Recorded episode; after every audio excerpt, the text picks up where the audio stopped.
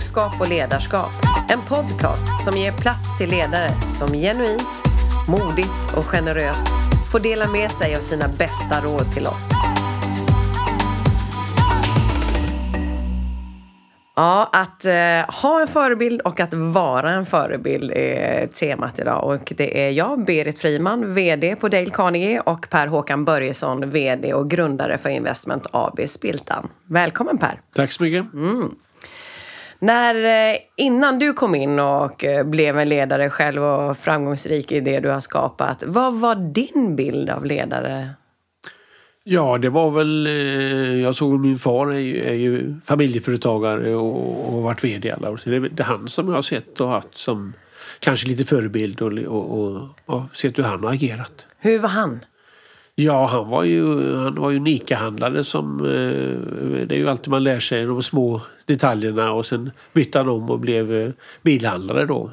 Och eh, den drivs ju, familjeföretaget Börjessons bil drivs fortfarande av, av mina bröder och brorsöner så det är väl andra och tredje generationen. Jag är fortfarande delägare och med i styrelsen. Mm. När du tittar tillbaka på din far, vad är det du ser speciellt i saker som du har tagit med dig? Ja, han var ju... Klart han la mycket tid och han var engagerad och, och, och eh, eh, ja, jobbade kanske lite för mycket då. Men hade, jag hade en mamma då som skötte om oss hemma så att säga. Som skötte bara servicen. Och så var ju, på den tiden var det naturligt då. Eh, men han var nog eh, en du- duktig, duktig företagsledare och liksom var bra att komma från alltså lanthandel till bilar. Där det är lite, lite, då lär man sig varje liten grej hur man agerar och, och eh, ja, har bra etik och moral också när det gäller både mot personal och mot kunder och, och sådär. Mm. Och jag tänkte, du startade ju upp själv din entreprenöriella ådra ganska tidigt. Jag tänkte 86 var det du eh, tänkte på din fondklubb som du... Ja just det, det blev en, en aktieklubb. En aktieklubb till och med. Ja. Då var jag ju fortfarande på att jobba så att säga. Alla anställningar. Men, Ja, vad var det som gjorde att du blev intresserad av aktier då? Ja, det var ju från början. Jag läste industriell ekonomi i Linköping och då köpte jag hade ett litet handbolag tillsammans med en, en kamrat och började lite grann med aktier och, och, och, eh, och har väl fortsatt li, lite grann eh, på amatörmässigt kan man säga då. Av Alla som är, läser ekonomi är väl lite intresserade av aktier. Så ni startade upp en klubb tillsammans? Just det. Ja. Eh, Det var när jag flyttade hem från USA. Då, så vi, det var mer, vi tyckte vi var superproffs. Vi hade varit ute i skolan 6-7 år men egentligen var vi ju superamatörer. Så har det ju tagit då 30 år och bli hyfsat bra. Ja, ja, det tar tid att lära sig att bli bra. Eh, Men jag tänkte på, du, eh, du jobbade ju i USA också va? För du jobbar för Ericsson där va? Ja just det, jag läste för först och sen var jag då höll på med marknadsföring PR för Ericsson i, i USA. Då höll på, höll på med det i, i fem år och sen flyttade hem till Sverige och var företagskonsult. Mm. När jag tänkte, när du var i USA och jobbade med PR och marknadsföring, vad var det för egentligen lärdomar du fick med dig från det? Ja, det är väl just det här med eh, att när man läser någonting i tidningen är det sällan en slump så att säga. Det ligger alltid någon bakom. Eh, någon som har tipsat eller någon som har, har, har gjort någon eh, aktivitet. Man tror ju då att journalister är grävande men det är en otroligt liten del. Va? Så det lärde jag mig och det har jag ju sedan använt när vi började med Spiltan redan när vi var en aktieklubb så hade vi en vision om att det här skulle bli större och fick, eh, har hela tiden fått PR och skrivit debattinlägg och, liksom det, och den la jag väl grunden till när jag jobbade för Ericsson i USA. Mm. Så du lyckades bra med marknadsföringen när du kom hem till Sverige också? Ja, liksom det, det var en, man, man får, varje jobb man har, även om det var till vissa delar var jobbigt för storföretag och kanske kom fram till att det inte är det, det, det man skulle jobba med så lär man sig ju på varje jobb man har lär man sig någonting som man kan ta vidare. Mm. Och när du kom hem till Sverige då jobbade du som affärskonsult då va? Ja, just det. Vad var det för insikter från... Ja, det var ju, det var ju spännande då. Att det var ju lite drömjobb att, att vara... Att, eh, gå, att eh, gå in i företag och, och, och att man då lärde sig att man kollade med kollegor i branschen och kunder och framförallt internt i bolagen och, och, och gå runt och intervjua och att man även som ganska oerfaren eh, kan faktiskt komma fram till några slutsatser att alla är hemmablinda och att man kan, kan faktiskt bidraga när man kommer utifrån eh, och, och eh, gör, gör analyser. Det var väl, tycker jag, den stora lärdomen av de här åren. Mm, om du tittar så som kontrast till när man tittar på familjeföretag, vad ser du? Vad har du för insikt om det så att säga? Hur menar du med... Nej, men tänk på, du sa de stora bolagen blir gärna hemmablinda. Eh, om vi tittar på de mindre familjeföretagen, är, vi, är de också hemmablinda eller är det andra saker som du ser? Ja, det kan det ju vara i viss del att man har hållit på med saker. Så att det, det stämmer säkert för dem också. Men mm. eh, det kan ju också vara en fördel att man håller sig till sin läst och man är långsiktig och, och, och, och som liksom man pratar på börsen pratar man i mikrosekunder eller kvartal och familjeföretagare talar om vilken generation är du mm. och har ett helt annat eh, långsiktigt perspektiv. Mm, mm. Men jag sa ju, temat idag var ju förebilder och när du startade upp din Atcheklubb där så eh, vet jag att du hade en förebild som eh, du framförallt lyssnade på efter du hade läst hans bok var det va? Just det, nej, det, det, hade vi, 86 så hade vi ingen förebild. Hade ni ingen förebild? Men, då var vi, tyckte jag, vi, var, Ni var, vi, vi trodde att vi kunde det där med aktier. Ni behövde inga då? Och köpte och sålde och konstaterade efter tre år att vi hade fortfarande lika mycket pengar. Så det var bara mäklarna och då lärde vi oss att transaktioner är finansvärldens modersmjölk. Men sen då 1996 så kom det ut en, en bok då som fortfarande kanske är den bästa biografin av, av Warren Buffett, uh, Making eh, of an American Capitalist. Och när jag läste den där boken så, så fick jag, det är ju så här man ska göra, man ska vara långsiktig, man ska köpa och behålla, man ska begripa vad man köper och man ska ha ärliga ägare. Så det, och, uh, det var, det var en riktig ögonöppnare. Och sen då tog jag den här gamla aktieklubben och startade och jobbade heltid med uh, Investment AB Spiltan. Och då hade vi hållit på med onoterade och noterade aktier innan på amatörbasis. Men då började jag ju verkligen att och jobba heltid med det från 1997 då. Mm. Vad var det du märkte krävdes av dig för att klara av att eh, liksom då omvandla de här teorierna som du läste in till verkligen bra praktiska råd? Ja, det är ju egentligen ganska enkla principer. Man ska köpa och behålla, man ska vara långsiktig och, och, och det svåra är då att ha karaktären att följa de här. Och det har väl tagit 20 år eh, att eh, bli hyfsat bra på det. Men, men det är otroligt svårt. att Det låter, låter jättelätt men man är alltid lockad att eh, ja, hitta bolag som inte tjänar pengar eller, eller man, man får något bra tips av någon kompis. Det här ska du investera i. Och, och även om du inte uppfyller de här kriterierna så lockas du med ja. he, hela tiden. Så det är, det är svåra med att ha... Eh, och det har ju Buffett, han har en otrolig karaktär. Han, han tackar nej på fem sekunder när han ser någonting. Och så när han, när han ser något som är bra, då, då gräver han ner på det. Mm. Men så du har om du tittar då historiskt på dina egna val, för du säger själv, det låter ju som att du har gått ifrån råden emellanåt. Då. Är det no någonting som du, något misstag som du har gjort som du känner, ah, det där borde jag ju ha sett? Nej, men det var ju då när vi startade. Då hade vi ju Buffett och, och, och det med stabila bolag. Så det använde vi när vi köpte börsbolag och det gjorde att vi andra som bara höll på med tidiga faser, alltså förväntningsbolag 99-2000 när det var populärt, de kanske förlorade 99 procent av, av förmögenheten och vi kanske gick ner 50 procent. Mm. så det var väl det stora misstaget då att vi trodde att vi skulle vara smartare än Buffett och, och eh, investera i tidiga faser. Och till viss del, ja, nu har vi återigen börjat. Eh, att, och det är det som skapar i och för sig de stora mm. eh, framgångarna. Alltså man får 10 eller 20 gånger pengarna. Men, men egentligen kanske man borde satsa, och, och det gör vi ju fortfarande, man satsar på stabila bolag som med 99% sannolikhet ger dubbelt så mycket pengar om, om, om fem år till exempel. Men, men, men då lockas man av det här nya bolaget och den här Eh, de som har fantastiska framtidsutsikter och, och, och betalar för mycket för det. Mm. Men det, det, är otroligt svårt. Så det är alltid en avvägning så att vi gör väl lite av, vi försöker mest hålla på med stabila lönsamma bolag men vi gör lite, lite avsteg då för att vi ska kunna ha lite sådana här guldkorn i portföljen. Mm. Och jag tänkte, det är ju många som lyssnar på dig och dina, dina råd och det du tycker är, är bra investeringar. Vad är det du märker, eller vad krävs egentligen för att du ska få människor att lyssna och köpa in på din idé?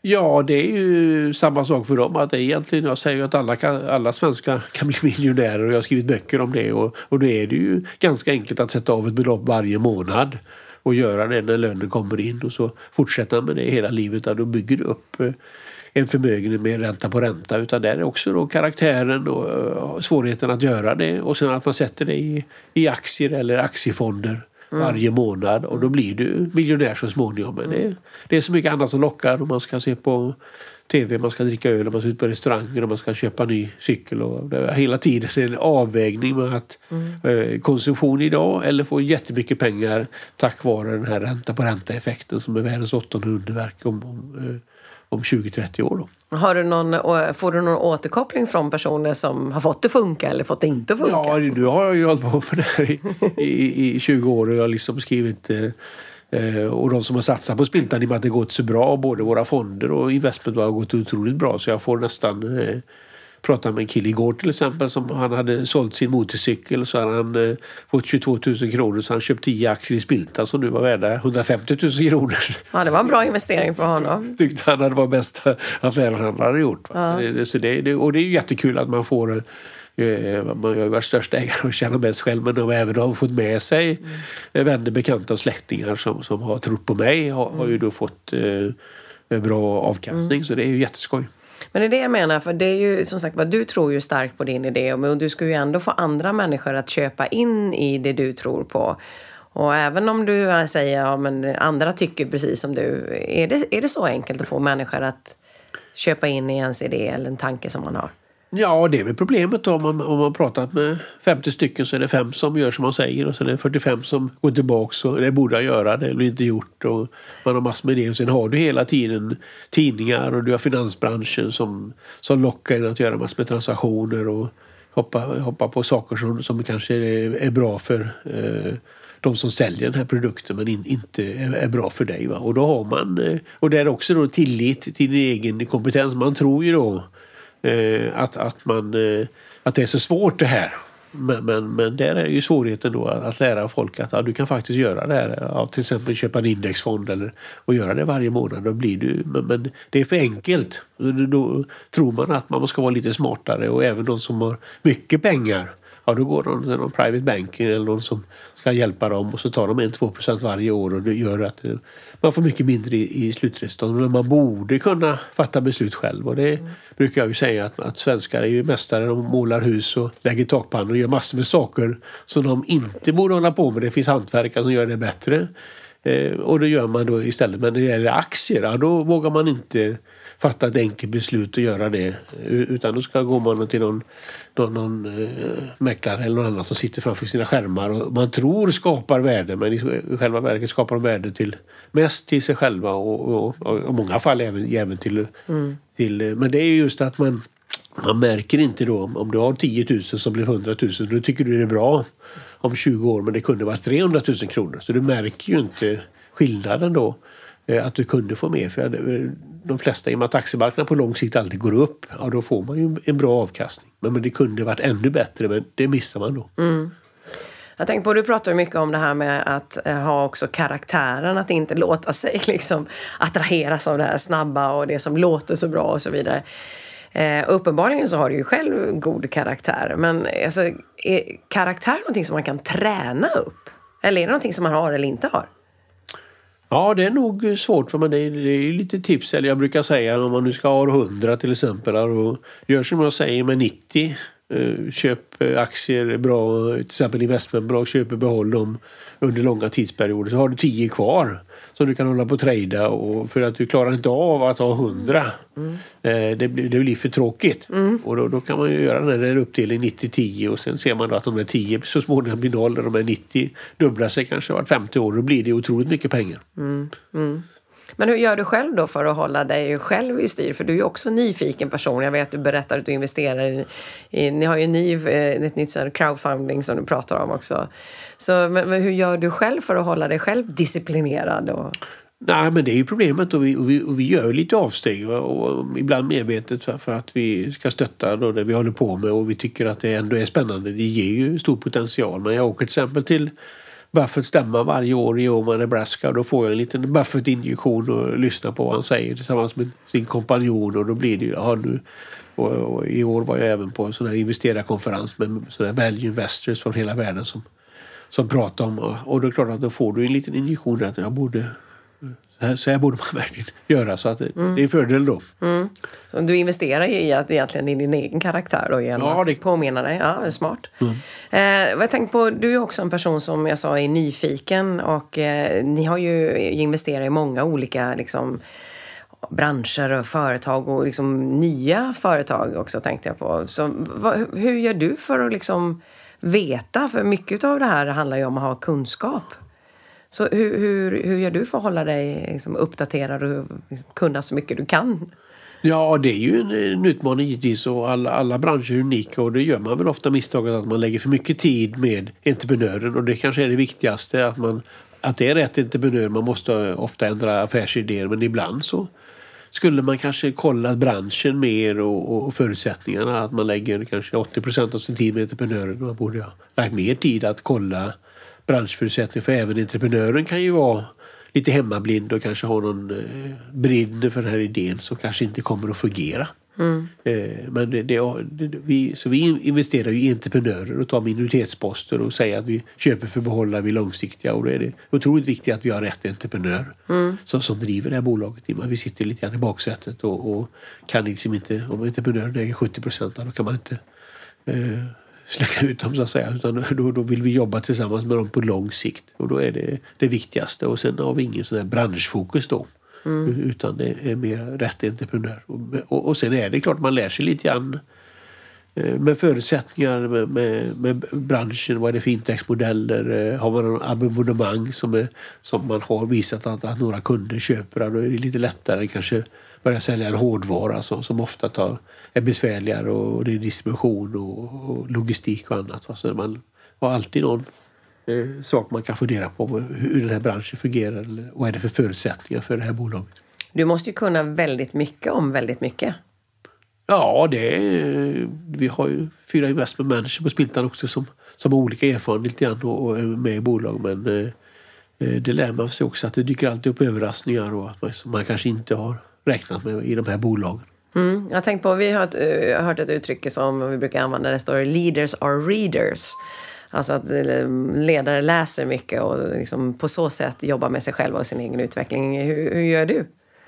Ja, jag har ju läst, eh, av exempel av Buffett, jag har säkert läst 50 böcker och, och, och, läser hela tiden. Jag har ett ganska stort bibliotek med, med företagslitteratur och är intresserad av, av det här med företagande och klart läser årsredovisningar och, och, och, och läser framförallt böcker. Då med, med, så det lägger jag ju en stor del av min fritid. Och, på sommaren då hinner man läsa lite böcker så att, så att det tycker jag.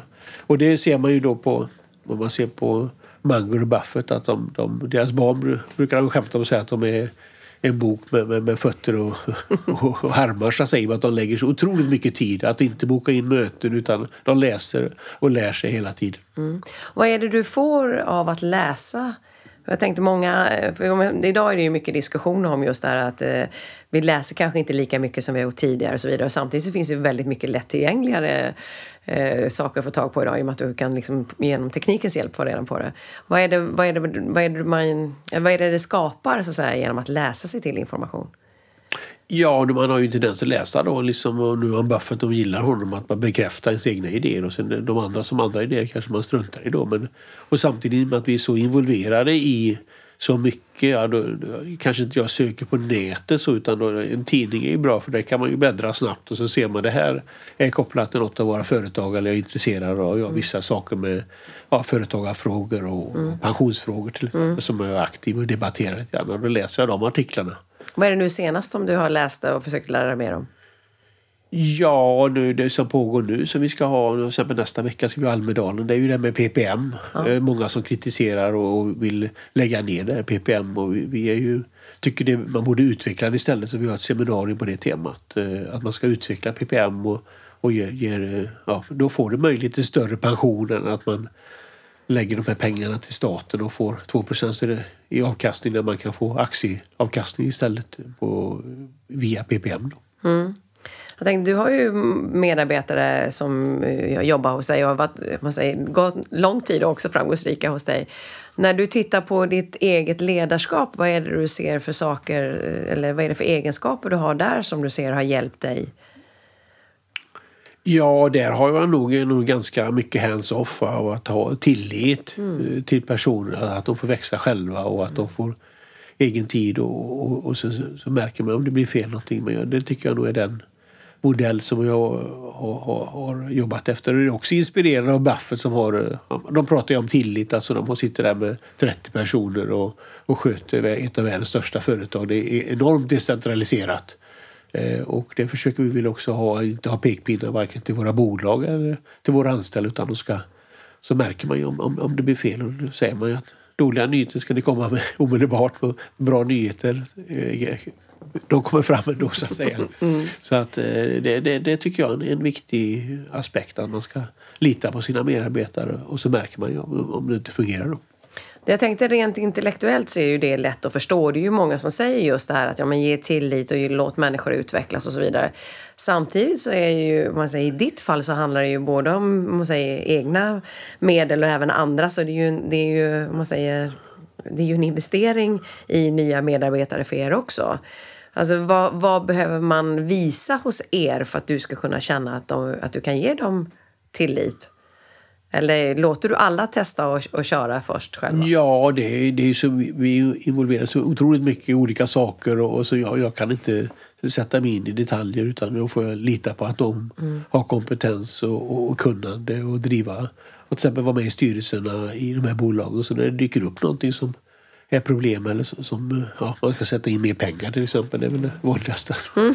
att man så tar ut en frågeställning eller om det är någon mm. personalfråga. Men, men det, då, då, så det tror jag nog att man kan jobba med då. Att inte har pekpinnar och, och detaljstyra. Mm. Och, det, och det, det, är för stor. Vi har exempel säkert ja, vi har 20 bolag där vi är med i styrelsen och sen har vi säkert 100 bolag till. Och det är klart att det är väl i och för sig en brist då kanske att vi har för mycket saker. Va? Det är också det där med karaktär, alltså man borde fokusera mer då. Men det, det finns fördelar också med våra modeller att och, och vara involverade mycket och se många bolag och, och få, få erfarenhet från många olika situationer.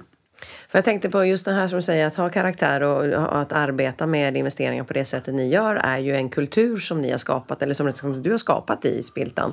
Hur, hur gör du för att säkerställa att den hela tiden finns där. För jag menar, det byts ju folk hos er också och tiden går och det är trender som slår åt det ena och det andra hållet. Hur gör du för att bibehålla kulturen? Ja, man får ju liksom... Eh, det visar man ju i, vad man investerar. Till exempel fondbolaget.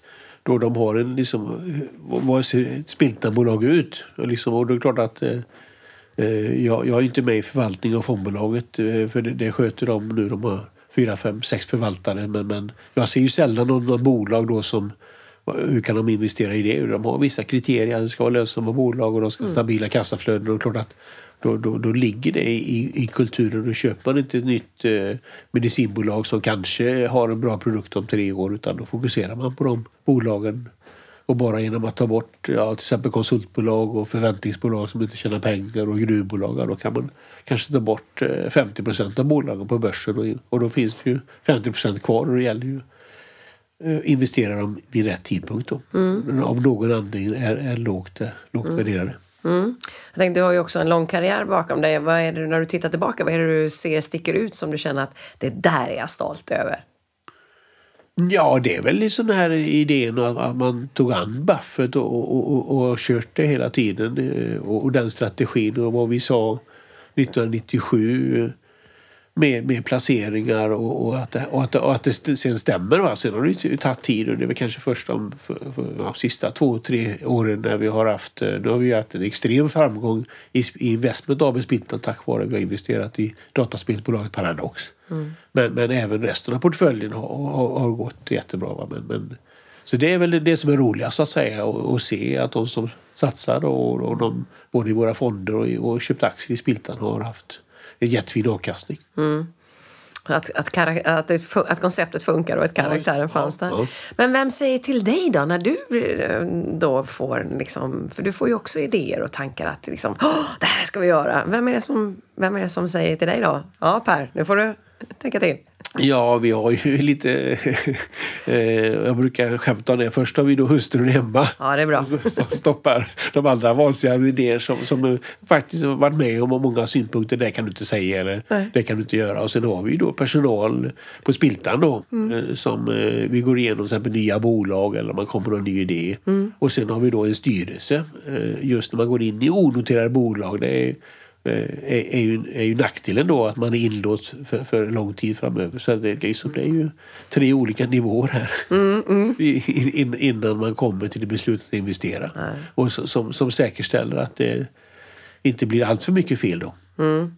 När du ser tillbaka då, för, vad är det för misstag som du har gjort som du känner så här efteråt? Ah, det där. Ja, när det gäller investeringar är det just att, att man eh, eh, satsar i, i tidiga faser. Alltså bolag som inte tjänar pengar och inte har förutsättningar. Och, att man, och sen är det svåra då när man väl har satsat pengar. Eh, då, kommer, då tar pengarna slut och, och, och då satsar man mer pengar. Så där har vi haft några case där Ja, givetvis några till slut har det blivit bra men ofta blir det inte, så, inte bra. Då skulle man ju stoppat det där tidigare. Men det är otroligt svårt att, att ha karaktären då. Att, att, att, eh, att göra det. Mm. Så man blir lätt optimistisk lite, man tror att det ska, man, man tänker gott om det. Ja, och sen om man har satsat mycket pengar ska vi slänga bort de pengarna. Men då har man ju tendens att slänga bra pengar efter dåliga så att säga. Och jag tänkte på, du använder ju även din kunskap som du hade från dina yngre tider, det här med marknadsföring och PR. Det är ju sånt som du använder även idag. Eh, med, jag tänker i ditt sätt att kommunicera. För där blir du ju en förebild för andra också. Så när du säger att någonting är bra så vill ju andra göra som det du gör. Vad har du lärt dig av det? Att, att du har så stort genomslag när du säger någonting? Ja, det, man får vara lite försiktig då. Alltså. Framförallt när man gör investeringar. Att man, att man inte, att det får konsekvenser. Då. Man, man, man gör rätt saker. Och, man, eh, och det är fördelen här att jag är största ägare själv. Så att när det går dåligt så får jag ta smällen själv också. Så att det, det gör ju att, eh, sen är det ett ansvar då att, att förvalta andras pengar. Men det, det känns ju eh, naturligt då. Vad gör du för att hålla motivationen uppe? För liksom, det är också, man brukar prata om motivation, det är en färskvara, det går lite upp och ner. Hur gör du för att liksom fortsätta vara motiverad för det du gör? Nej, men jag tycker jag har ett jättekul jobb och ingen dagen andra lik och, och har inga planer på att gå i pension till exempel utan fortsätta. Då får man, så det är ju motivationen. va. Och sen är ju liksom framgången eller, eller de här, är ju ett kvitto på det men, men det, Eh, det kan gå sämre, det kan gå bättre. Jag är inte sådär jätte, utan, men det är jättekul att hålla på med det här och bygga ett, eh, ett bolag som eh, förhoppningsvis även ska leva efter jag, inte jag finns då. Mm. Vad, om man ser då när du träffar personer som är yngre och som har liksom en ambition om att de vill göra, göra och bli framgångsrika. Vad är råd som du ger till dem? Ja, dels kan man ju konstatera, det är ju för, alltså, om man ser på Buffett eller Zlatan eller Selma Lagerlöf så har man ju ofta en, en förebild att eh, eh, man ska bli en bra fotbollsspelare, man ska bli författare. Eller Buffett hade ju då Benjamin Graham som är, startade med värdeinvesteringar. Så det är ju en fördel då men eh, trots allt går det bra för de flesta. Jag ser man på mig själv, jag råkar hamna i USA, jag råkar börja på Ericsson, jag råkar bli konsult. Jag, gick jag tillbaka till familjeföretaget och sen var jag fristående konsult och sen eh, så såg jag ljuset med Buffett och, och tog det spiltan då. Liksom. Så det hade jag ju 15-20 år där. Där jag var, var, var sökande. Men det är klart att eh, men Buffett han hade ju en idé när han var 10-12 år gammal. Och det är klart att då har han mycket mer, mer tid. Va? När man är yngre kan man göra misstag och, och hitta på olika spår. Man lär sig på varje spår. Men det är ju fördel då om man- har en förebild och ju, ju snabbare man, man kan eh, jobba på det. Eller ha, ha det så kan man ju bli framgångsrik. Och sen tar det ju tid eh, med att, att både bygga bolag och lära sig i branschen och vad man håller på med. Men, men eh, till slut tycker jag det blir bra för de flesta och det brukar jag ju säga också till ungdomar att de ska leta upp rätt bolag och, och, och rätt chef så att säga. Att man ska liksom inte bara söka en annons som man ser i tidningen utan man kanske ska söka upp vilka bolag vill man jobba med, vad, vad, vilka förebilder har man och, det, och då kan man ju ha tur att, att just för det här, eh, och då blir jag ju och jag får brev som säger att du ja, eh, eh, Sveriges Warren Buffett och du, ja, du är jätteduktig, kan jag få komma och prata med dig? Och då blir jag ju alla, alla vill vi ha smink. Ja. då, då blir man en, nej kanske en jävla vettig person där. Säger man då. va? Så då har man en chans. Och till exempel fondbolaget har vi anställt 20 personer nu sista 10 åren så har det ju nästan ingen annons utan det är de som har sökt sig till Spiltan Fonder för att de eh, gillar våra idéer och vad vi gör. Då är det klart att det är det lättare att, att få en sån person. Eller det är mer sannolikt att, att den personen passar in än när man söker in bara som säger det automatiskt. Och det, är ju ett, det var ju ett väldigt bra exempel på just hur när, man finns, när det finns en stark kultur, vad det också attraherar, att det attraherar rätt personer som säger att söka jobb hos en. Men det man kan säga är ju det här med att det som säger då att skaffa sig en förebild, är någonting som du uppmanar till. Och sen så är det ju att, att det tar tid att hitta sin väg och att inte kanske bli stressad av det. Och sen också som du säger att utifrån företagsperspektivet, att vi som driver företag, vi behöver tänka på att ha en tydlig företagskultur som människor utifrån kan verkligen se att det är det här det här företaget erbjuder. Är det någonting annat som du ser som vi som ledare behöver tänka på när vi ska driva och leda våra företag? Ja, och sen är det också då om, om du har en vision och liksom att, att du lämnar ju spår efter dig varje, varje steg du tar eller man var man går, att man, att man misstag. Och det ser man ju hela tiden tycker jag. Att liksom, det säger ju Buffett, det tar 20 år att bygga upp ett, ett rykte och, och det kan, du kan förstöra det på 20 sekunder. Mm. Och det ser man hela tiden eh, företagsledare eller människor som gör, gör bort sig själv. Eh, och till och med USAs president kan, kan klanta till det. Va? Så att man, man blir maktfullkomlig på något sätt. Och det gäller hela tiden att vara, inse att man, man får vara hela tiden tänka på det och, och, och ha karaktärer och liksom och det säger ju Buffett också att man ska eh, om du ska göra någonting, tänk om den där saken eh, skrivs av en, av en kunnig journalist i din lokala tidning och som läses av dina vänner, bekanta och, och familj. Liksom, skulle du göra det här då? Det är som en sån enkel test på eh, fungerar det här eller är det, ska du verkligen göra det? Och det är klart att då, då är det kanske man inte ska göra det där om man känner det lite tveksamt eller gråzon. Mm. klart att det, det, tror jag är viktigt också för man, man kan ju alltid gå tillbaka. Va? Nu är det ännu lättare med nätet och se, se, se vad människor har gjort så att säga. Det är klart att det är en viktig, viktig sak också. Jag var ju hälsa på dig på ditt kontor och du, i ditt konferensrum så har du ju tavlor där man kan följa liksom linjärt och vilka framsteg och vilka bedrifter ni har gjort. Eh, vad är det som gör att du har valt att rama in de här framstegen? Ja, det var faktiskt eh, Spiltans 25-årsjubileum. Då är vi lite studentikosa och då tog vi fram faktiskt tavlor på våra misstag. Ah. Som vi fick gå runt och ställa frågor och, och det var ett antal misstag. Och sen då när vi nu fyllde 30 år, vi borde vi även ta fram våra... Och ofta de här problemen eller de misstagen är, är, kan också vändas på att, att man lär sig någonting eller att det är en framgång. Och så därför mm. har vi både våra framgångar och våra misstag på, på väggen. Mm. Och det roliga var att de hade framgångarna där uppe och så motgångarna eh, ja, vad hade du nere i källaren. Ja, ja. Eh, men vad är, det, vad är det du ser att det skapar eh, att ha dem så visuellt som ni har? Ja, det är väl liksom en, en, en och det är väl samma sak där när man har man, man ser sina aktieägare som partner så då ingår väl i det att man även eh, försöker beskriva sina misstag som man gör. Att, att, man försöker vara ärlig med det då. Att man inte är ofelbar på något sätt. Eh, och, och vi gör ju hela tiden misstag och försöka lära sig av det. Mm. Vad är det du ser, vad har du själv senast lärt dig? Vad är den senaste lärdomen du har fått med dig? Ja, det är väl något eh, bolag vi har satsat på. Att vi har, just att vi, har, vi skulle ha sagt nej så att säga till, till de här, de här eh, att vi satsar för mycket pengar i, mm. i ytterligare en grej och sen i ett annat bolag har vi, har vi inte gjort tillräckligt mycket research. Va? Vi har, man, man förlitar sig på någon som gör en undersökning och sen kolla har man några som är entusiastiska och sen har man inte själv satt sig in i det här. Utan, och det var just att några som inte hade riktigt branschkompetens då. Då skulle mm. man ju tagit in någon som man kunde mycket mer i branschen. Mm. För att göra det. Är väl lärdomar just de sista, sista halvåret. Mm.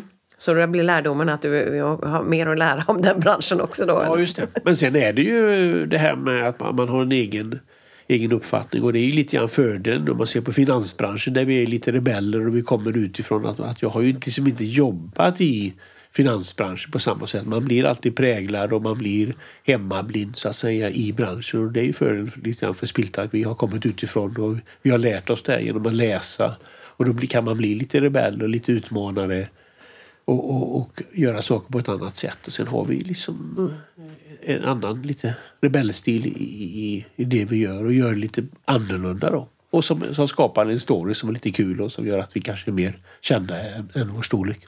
Ja, och det, det ger ju lite självförtroende just som du säger att ni varit framgångsrika i det och blir lite av en rebell. Hur, vad, de, era liksom kollegor i branschen, vad säger de om er? Ja, nu har vi väl byggt upp ett rykte att, att vi är kända och, och att vi, och ju större man blir desto mer etablerad blir man. Man kan vara, kanske vara mindre rebell. Va? Men annars är ju eh, om man nu kritiserar någon att de har felaktiga produkter och skriver böcker som har gjort om det, då är ju taktiken att eh, att inte bemöta kritiken utan bara eh, låta, låta mig och andra skrika. Så är det når vi 1 procent av Sveriges befolkning men de har kvar 99 procent. Så det är ju helt rätt strategi från, från motståndarsidan så att säga. Mm. Att inte mm. bråka för mycket. Mm. Utan det är bättre att bara låta, mm. det är ändå ett begränsat antal människor som läser mina böcker eller som får, får, vi får kontakt med. Ja, då, de allra mm. flesta har ju sin normala eh, finanskontakt som då kanske inte är lika bra då men, men, men ger ett hyfsat resultat. Men, men skulle, som skulle kanske blivit bättre om de gjort ett annat val.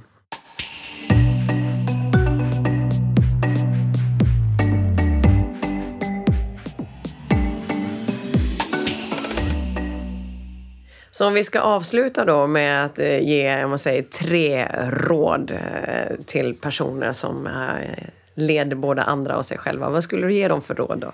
Ja, det är väl lite grann vi pratat om att man anställda tycker man ska ha tillit och, och, och, och till sin egen förmåga och, och ge anställda eh, möjlighet att, att utveckla sig. Och, och sen det här med långsiktighet och att allting tar tid. Man måste jättebra och, och, och, satsa på det. Och det, tar, ja, det, här med 10 000 timmar brukar man prata om, att man, man lär sig någonting. Eh, och, ehm, eh, och sen det här med att man lämnar fotspår efter sig. Att man ska varje, varje handling man gör eh, kan, eh, av varje människa du möter egentligen, kan skapa sig en uppfattning. Och det är klart att då, då, det sprider sig. Om du gör dåliga saker, ja, då sprider det sig. Så det är ju en sak också att du hela tiden ska tänka på eh, vem du är och att det tar, som sagt var, då kan ta 20 sekunder att förlora, mista ett rykte så att säga, som man byggt mm. upp under lång tid. Mm. Och sedan att man satsar på det som man tror på och, och, liksom, och rätt personer och rätt bolag. Det är väl en bra, eh, bra idé för, för just för unga människor. Mm. Per, vad vill du själv lämna för fotspår efter dig? Ja, det är väl den här investeringsfilosofin och man ska vara långsiktig och köpa behålla och att man är, är Eh, Eh, det är väl det som känns roligt och man hoppas man är en trevlig person så att säga. Som, som, som har, och det är hur många vänner man har, va? Liksom, inte liksom hur mycket pengar. Och, och så brukar jag ju säga också att det är tiden som är vår viktigaste resurs. Att man, att man har haft kul under, under tiden. Va? Man vet inte hur mycket tid man har på sig och tid går inte spara eh, så att säga som, som eh, annat. Va? Och det är en jämlik resurs också så det är en sån här viktig, viktig sak. Men, Eh, Eh, förhoppningsvis så har man, är det jättekul om man har kunnat skapa värde för de som man trott på en och sen att det ska leva vidare då. Att man skapar en kultur så att det kan eh, gå vidare även, även efter när man inte finns längre. Då. Ja, och en sak som jag hör och ser det är ju att du har ju ett empatiskt sätt att få med både familj och vänner och det här lite det du sa tidigare att vinner du så vinner Anna, förlorar du så förlorar de andra också men du förlorar lite mer än vad de gör och det visar ju verkligen på en ledarskapsfilosofi att du vill att så många som möjligt ska vara med. Och jag tycker också just det här när du lyfter fram med att ha en vision, en framtidsbild och att hitta det som triggar just dig som person det är ju där på något vis vi hittar glädjen i vardagen. Så jag gillar det här med att du inte tänker gå i pension. Det tycker jag är bra. Just det. Nej, och sen ser man, eh, och det var ju naturligt från början, att man, att man, man tar in vänner, bekanta och släktingar och då ser man aktieägarna som partners. Mm. Och vi har en trevlig årsstämma till exempel som är unik i Sverige. Och, och det blir naturligt och då det blir fel, då ska de vara med i samma familj då. Medan eh, de flesta andra bolag de tycker om sina aktieägare när de kommer med pengarna. Och sen struntar man i dem. Eller jag brukar skämta man, man bjuder på kladdig mat så inte pensionärerna ska ta med sig maten hem på årsstämmor och, och, och sådana saker. Och lägger stämman klockan 14 en, en vanlig dag när inga vanliga människor kan komma. Och det är klart att det är våran kultur som vi tycker är, är, är kul då. Mm. Om du skulle ge ett råd, eh, du gav förut ett råd till unga personer. Om du skulle ge ett råd till oss då som är lite äldre och är ledare, vad skulle det vara för råd? Ja, det är väl det här med tillit och så, sen kan vi glädja oss också att, vi, att man kan vara långsiktig även om man blir äldre för vi lever längre. Va? Och, då, och då stämmer det här med att spara varje månad och om man gör slut med mindre mindre kostnader än, än, än, man har intäkter varje månad. Ja, då får man mer och mer pengar så att säga om, om, om man kan leva längre och, och, och får ett eh, kul liv även när man blir äldre. För jag tänkte du, eh, om vi ser hur du jobbar som ledare, du är ju duktig på, an, du har ju bra du har ju bra näsa för att få in bra personer. Eh, så du är ju duktig på att hitta personer som är duktiga ledare och chefer i sin tur. Hur, hur hittar du dem? Eller är det eh, söker de sig bara till dig? Eller hur Ja, gör du? De flesta har ju kommit till Spiltan via, via kontakter. Ja. Känner. Men annars har vi, sen är det en liten organisation. Det är lite enklare när man har tio personer och alla har direkt kontakt i princip med mig. Mm. Det är inte så komplex organisation igen. Nej. Men, men, men, men, eh, så att det, det är ju ingen sådär som, eh, någonting som vi vi håller ju inte sådana ledarskapsutbildningar utan vi, vi tror ju liksom on the job training. Och mm. alla, mm. Den andra, ena dagen är inte den andra lik på spiltan. Nej. Tiden nya saker va, som gör att det men hur, är kul. Men hur får du, för du har ändå ett antal personer i, i din grupp, så här, hur får du dem att göra det? För många personer kan ju också bli lite grann så här, ja men du vet det här har jag gjort och nu är jag färdig. Liksom, nu, nu, nu ska jag bara förvalta, nu, ska jag bara, nu, nu kan jag det här. Ja, men vi har hela tiden nya investeringar och nya bolag och, liksom, och det händer saker i bolag. Så det tycker jag inte är något eh, problem. Och vi har nya grejer och kommer med nya aktiviteter och, och nya föredrag eller nya böcker. Och liksom, så vi har hela tiden nya grejer på gång. Så det tycker jag inte känns att vi, att, att vi somnar in där. Så det jag hör egentligen är att ni har satt er också i en kultur egentligen att ni hela tiden stimulerar med nyheter och som säger nya böcker, nya lärdomar, nya insikter. Ja och sen har vi ju liksom nu i ditt läge också men vi har mycket mer kapital till exempel så är det en utmaning. Hur, hur ska vi sköta det och hur ska vi göra liksom investeringsfilosofi? Vi kanske måste investera mer pengar. Och, eh, så det är hela tiden en utmaning att hitta nya saker. Mm. Så utmaningen håller er alerta med andra ord? Ja, det mm. bra.